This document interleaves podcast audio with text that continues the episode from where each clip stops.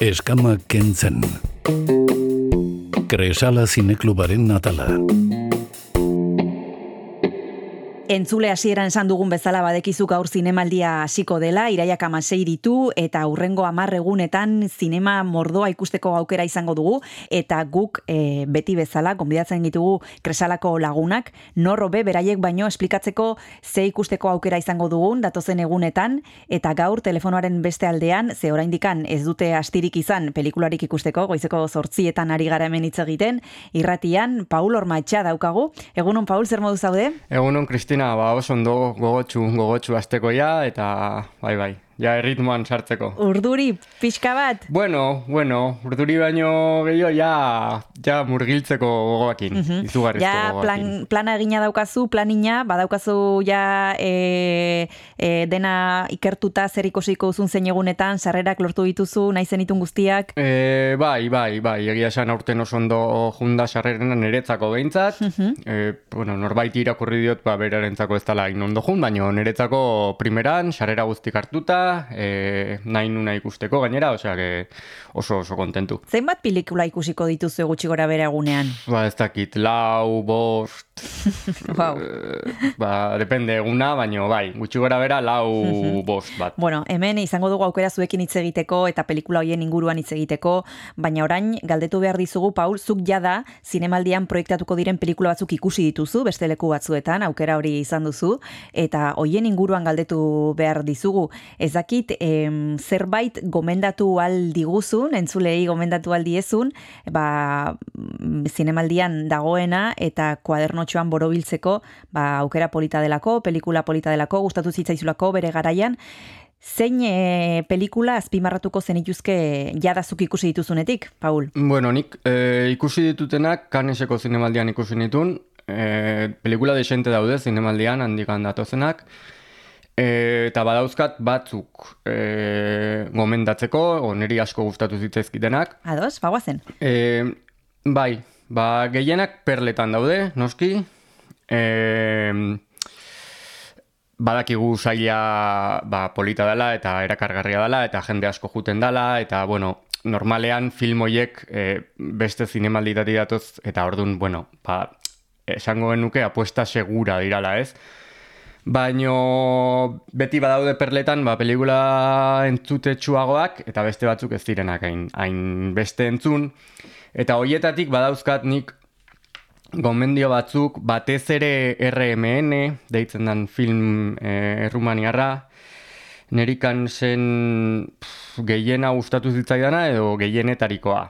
Uhum. Zeri buruz da? Ba, bueno, e, arrazakeriari buruz esango genuke dela, e, e, Errumaniako herriska batera iristen dira bi imigrante eta lanean hasten dira eta orduan nola jendeak esaten du lanak entzera datoztela, diru gutxi gatik egiten dutela lana, e, pertsonaia nagusi bat dagola esango genuke, baina bueno, esango genuke herriko pertsonaiek osatzen dutela filma, e, Badakigu errumaniarra dala, eta, bueno, igual pixkat beldurra ematen diola jendeari, baina oso film entretenigarria da, eh? Os, eh, gauzak pasatzen doaz. Eh, eta nik uste dut, eh, bueno, bizitzen ari garen garai hauetara ba oso ondo, oso ondo heltzen den filma dela.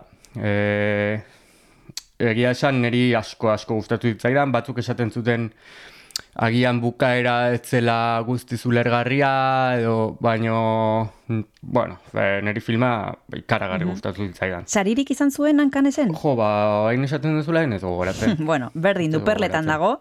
Bai, bai, bai. Perletan ikusteko bai, bai, aukera eta, izango dugu. Eta pelikula da oso, oso ona da, eh? Oso, oso ona. Mm -hmm. Bueno, apuntatuta. Bigarrena, Paul, zein e, bueno, pelikuletan jarriko dugu fokua? Eh, Perletan jarraituko dugu, uh hor badago pelikula bat, e, kansen antzertain regar, e, sailean e, lehiatu zana, korsage dauka izena, uste dut e, gaztelera zere ja jarri diotela izena, baina orain txertan, ez dakita bera aurkitzen dudan.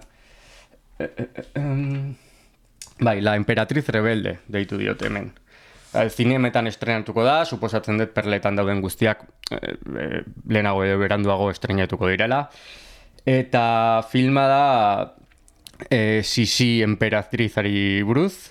baina esango genuke, bueno, punk edo itxura pixka bat daukala, ez? E, epokako filmat da, baina sartzen ditu hor elementuak e, oraingoak, bai musika, bai eta da nola bait, e, ba emakume honen e, esango genuke izaera transgresorea edo e, jorratzeko pelikula oso ondo dago, e, bueno, badauka hor komedia puntutxo batez ematen diona trans... Ez dakit, transgresorea da, nola baita esateko, bai pertsonaia, eta nik asko-asko gozatu nun pelikula bat izan zan kansen, e, sorpresa bat izan zan, nik ez nun ezagutzen e, zuzendaria gehiegi, e, aktoresa bai, Vicky Krieps da, azken aldian, bueno, e, ba, filmak e, arrakastatxuak edo egin ditun pertsonaia bada, eta, e, eta oso oso ondo dago pelikulan, eta bai, filmanik esango nuke, Ba, agian perletan dagoen film eskutu horietako badala, baina nik gomendatuko nioke jendeari ikusteko, eh? Uh Bai, Sisi Emperadorea berriro eh, deskubritzeko aukera izango dugu pelikula honekin, eta aipatu duzu gauza bat, musika eh, interesgarria dela pelikula hontan, eta nik ere musika eskatu behar dizut, Paul, tarte bat hartu behar dugu, deskantsu bat, eta besti bat eskatu behar dizut, bai, ze ba- pentsatu duzu tarte hontarako? Ba, bueno, zinemaldia astera doanez, eh, anet hasieran ateratzen den So May We Start, abestiarekin jungo gara. Primera mangoazen entzutera. So, may we start?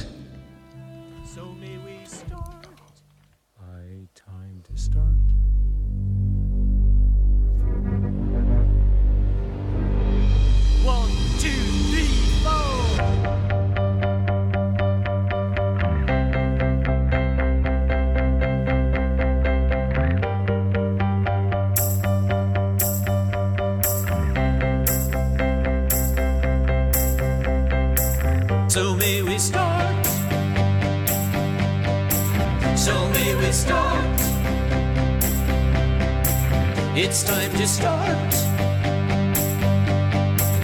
High time to start. They hope that it goes the way it's supposed to go. There's fear in them all, but they can't let it show. They're underprepared, but that may be enough. The budget is large, but still, it's not enough. So may we start.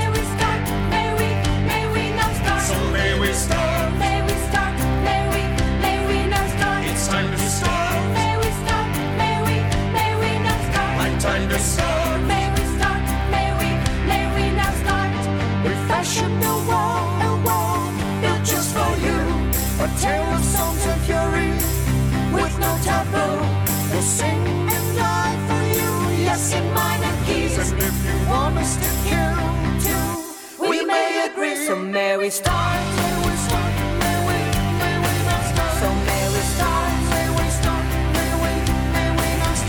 time to start.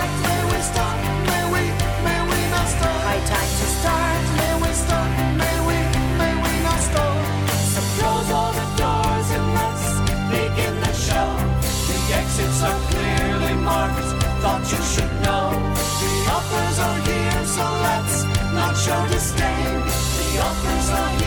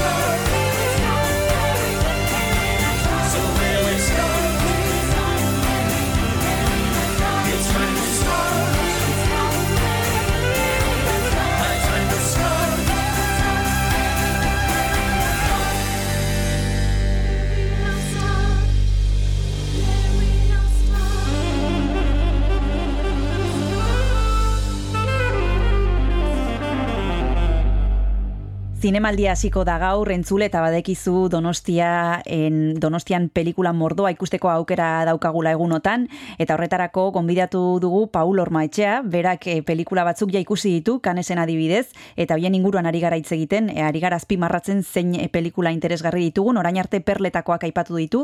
Paul, beste zerbait eh, polita ikusi zenuen Kanesen? E, bai, bueno, perletan pasako ditut pixka bat gainetikan, Bai. gomendatzen ditudan filmak ere bai, e, asbestas dago, Rodrigo Bai. Sorogoyenen filma, Bai. e, pf, oso oso ondo dago, oso ondo dago, izugarrizko tensioa daukan filma da. E, gero dago e, One Fine Morning, e, Mia Hansen Loven pelikula zoragarria da, oso oso polita da. E, nik uste dut ba, perletara juten dan publiko horri gustatzen zaizkion pelikula hoietakoak. E, Koreedarena Broker ere ba, pelikula polita da, ba, Korea ezagutzen dutenak badakite gutxi Bai, gora bera zer bai. duten. Eta, bueno, perletatik e, hoiek e, gutxi gora bera. Ah, barkatu, aztu zait, kans irabazizun filma.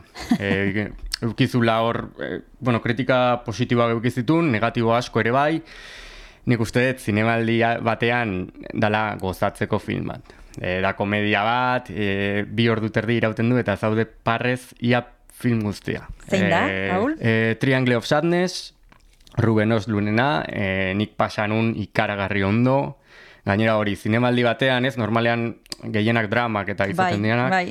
e, sartzen da, sartzen da izugarri ondo, e, esate ditut, bi ordu terdi pasatzen dituzu, pff, ba, parrez lehertzen. Nik ikaragarri ondo, ondo pasanun film hortan. Beraz, ba, bueno, e, ba, pixka bat ez, e, zinemaldiko ritmo hori lasaitu nahi dunak, edo Bai. deskanso bat hartu nahi dunak zinema ikusten jarraituz, baino pixka bat burua deskantsatuz, nik gomendatzen diot ikaragarri. Eta gero ja beste sailetara goaz, e, Zabaltegin gaur gauean estrenatzen du Esti Urresolak, Bai. bere laburra, Cuerdas. e, kanesen egontzan ere bai, e, Semana dela kritikan, han ikusi nun nik, oso ondo dago, e, nik gomendatzen diot jendeari ikusi albadu guk kresalan aurreko, aurreko labur metraia jarri genuen, niri pixka bat gehiago gustatzen zait aurrekoa, baina alare kuerdas, dala orain zinemaldian aurkezten duna, oso oso ondo dago. Eta gero zabaltegin ba beste bi film aipatu nahi ditut, bat da El Agua, Elena López Rieranen filma, niri asko gustatu zitzaidan. E, dauka ba, Elena López Rieraren lehenengo luze metraia da, bere labur metraiak dokumentalak edo dokumentalantzekoak edo ez fikzioan ziren, honek badauka hortik zerbait, nahiz eta fikzioa izan, eta nasten du oso ondo ba, esango nuke naturaltasun hori eta dokumental antzeko hori eta realitate hori fantasia pixka batekin, ez? Herri batean pasatzen den gauza da, leyendak daude, eta nolabait leyenda horiek egi antza dute, edo egi bihurtzen dira, edo horuzten du, ez? Gauza, eta, eta e, nasketa hori oso, oso ondo ateratzen zaio, niri asko gustatu zitzaidan filma. E, guztiz gomendatzen dut, egia esan. E, arritu intzaidan, zenik bere dokumentalak ikusetan euskan, bere laburrak, eta bueno, gutxi gora bera hori espero nun, baina film honek gehiago dauka, nik uste dut oso, oso ondo dagola, e, aktorea oso ona da, gainera aktore berria da, e, bere lehenengo lana da, eta oso oso ondo dago, eta bai, e, gomendatzen dut guztiz. Eta beste gomendio bat, zabaltegin baita ere, e, Gotland, e, film islandiarra da. Hau bai agian ez dela publiko e, esango genuke zabalarentzat. Zadenontzat. E, ez, ez da raroa delako, eh? baizik eta gehien bat e, geldoa delako filma. E, bi ordu luze dira, dauka western antzera, antz, antza, hasiera batean, naiz eta Isla, e, Islandian izan, e, bueno, da, paiz bat ara iristen dala Islandiara eta herriska batera joan behar eta orduan lehenengo zatia da ba, bidaia nola eramaten duen beste tipo batek, eta Islandiako paraje horietatekan juten dira oinez, eta gero behin herriskara iristen danean, ba hor zer gertatzen dan, ez, bai alkatearen alabarekin, hor mai, amodio historio antzeko badago, eta nola bera ere bere fedea, e, bere etika nolabait kuestioan jartzen duen, Es, filman geldoa da, e, baino nik niri asko gustatu ditzaidan kansen, bueno, argazkia izugarria da. Eta eta hori, nik e, gomendatuko nuke. Gomendatuko nuke, jakinda zer, zer zoazen ikustera ere bai, eh? Bueno, eta, eta izan daiteke ere nekatu- aukera bat probatzeko, ez? E, Bai, bueno, bai, a ber, nik nekatuta balin bazaude egun hortan, ba, igual ez da momentua.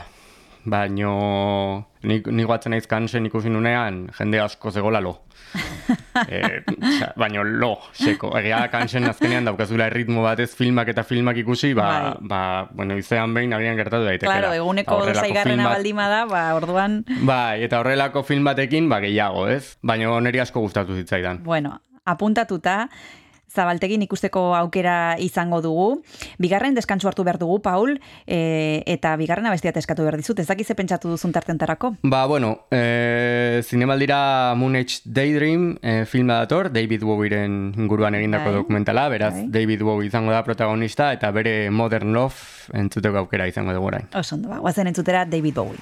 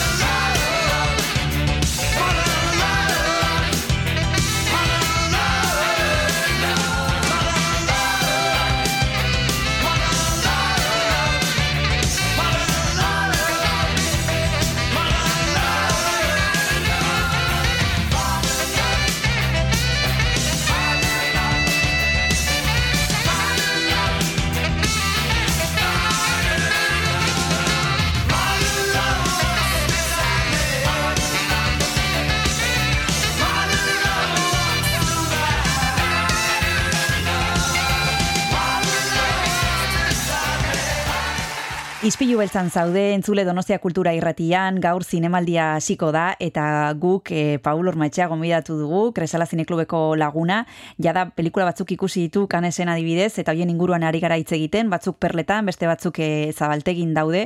Aipatu du Esti Urresola, kuerdas e, laburra ekarriko duena zabaltegira, adibidez guk hemen izango dugu egunotan e, ispilu beltzan, eta beste e, protagonista batzuk ere, gogoratu pelikulak ikusteaz gain, aukera daukazula, ba, elkarrizketak a, entzuteko, elkarrizketak irakurtzeko, egunotan e, kultura saietan informazio mordoa izango duzula pelikulen inguruan, aktoren inguruan, zuzendarien inguruan, eta ez dakit zerbait gehiago e, azpimarratu beharko dugun aurtengo programan, Paul. Ba, a ber, ni azpimarratzen ari naiz ikusi ditut, dik, noski, e, besteak, ba, ez dakit, ba, Claro, normal. badago filmen bat gogo asko daukatena ikusteko, baina, bueno, gero horizontesen ere pare bat dauzkat ikusita, e, nere ustez ez dira, ba, sekulako pelikulak, biak ondo daude, E, bat da mila behatzerun da irurogeita masei, Txileko film bat, Manuela Martelli da zuzendaria, e, kintzena de realizadores egon kansen, eta filma ondo dago,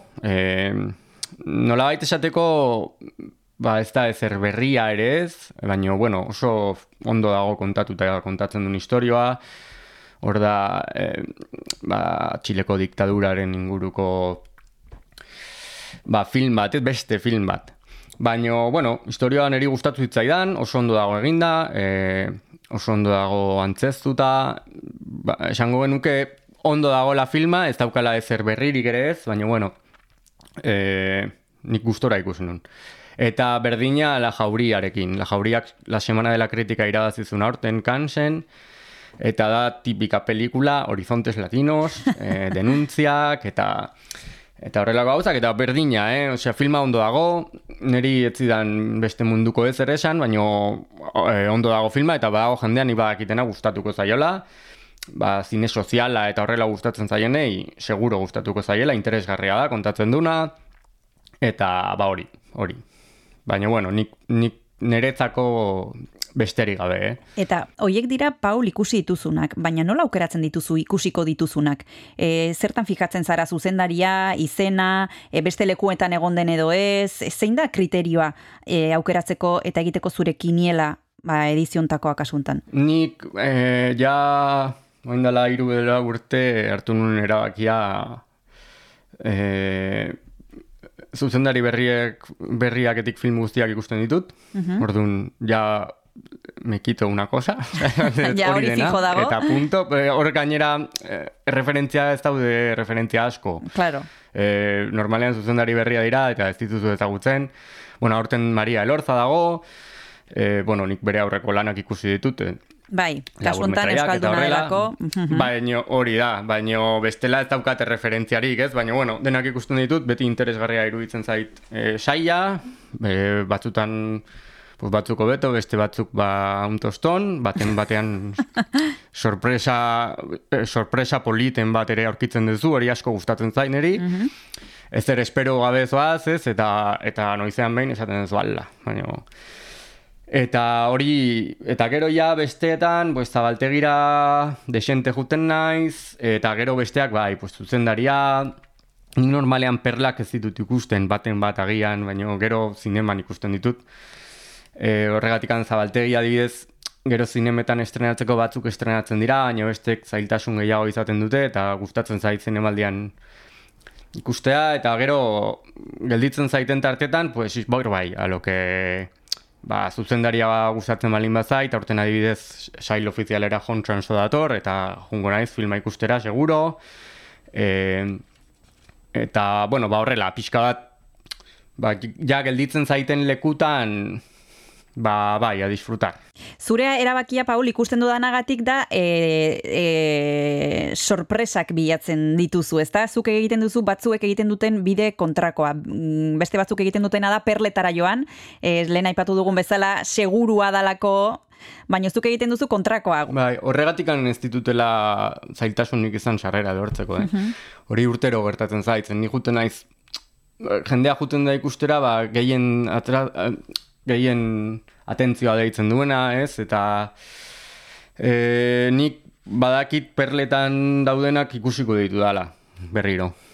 E, osea, zinemetan, estrenatuko dira, eta bar, eta sai- sail ofizialeko asko suposatzen dut ere bai, naiz eta sail ofizialera orten banoan, eh? bost edo sei ikusi behar ditut, un poco al tuntun, eh, Jon Sanso kenduta, eta Ulrich Seidel adibidez asko gustatzen zaidala, eta ikusi behar ditutela bere filma, Baino bestela, bai, bestela juten naiz bilatzera, ba, bueno, ba, gero agian ez, dit, ez deten aukerarik e, eukiko ikusteko, ez? Eta nik uste dut zinemaldi aukera dela horretarako, eta nik hortarako erabiltzen dut. Gero bakoitzak, noski, egin dezake nahi duna. Adibidez, ni Triangle of Sadness ikustera banoa, e, aurten. Eta ikusita daukat, orain dela hiru hilabete, baina izugarri ondo pasanun, eta aurten azkeneko egunean, azkeneko pelikula hori ikusiko dut, ze badakit parra inbar detela, eta ja nolabait, ba, zinemaldia bukatzeko eta e, estres eta neke guzti hori ba, nolabait kentzeko, ba, ba berriro ikusi behar dut. Baina bai, nik aukerak eta horrela egiten dut. Eta gero, epaimaiak eh, erabaki hartzen duenean, Paul, aserretzen den hoietako bat zara, eh, ez bazaudea duz eh, erabakiarekin, edo, edo berdin zaizu, ezakit eh, nola hartzen dituzun normalean, eh, ba, ba hori azkeneko egunean ematen dituzten albisteak, eh, ados baldima zaude ondo, ez baldima zaude ados aserre, E, egia esan berdin zait. E, gustatzen zait asko erreakzioak eta irakurtzea. e, Osea, aserretzen den jendea irakurtzea gustatzen zait.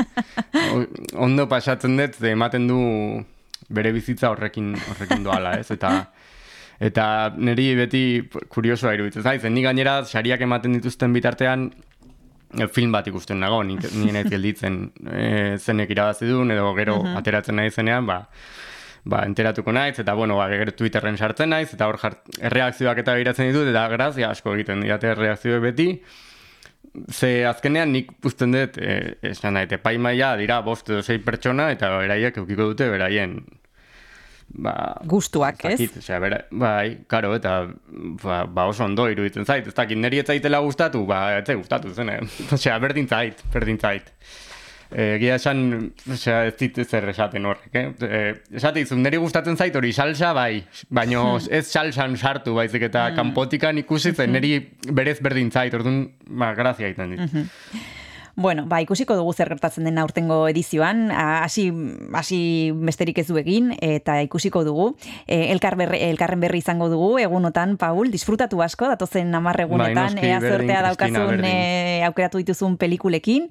Eskerrik asko zure denboragatik eta besarka daundi bat, Paul, urrengor arte. Zuei beti bezala. Agur. Venga, agur, Kristina. Eskama kentzen. Kresala zineklubaren atala.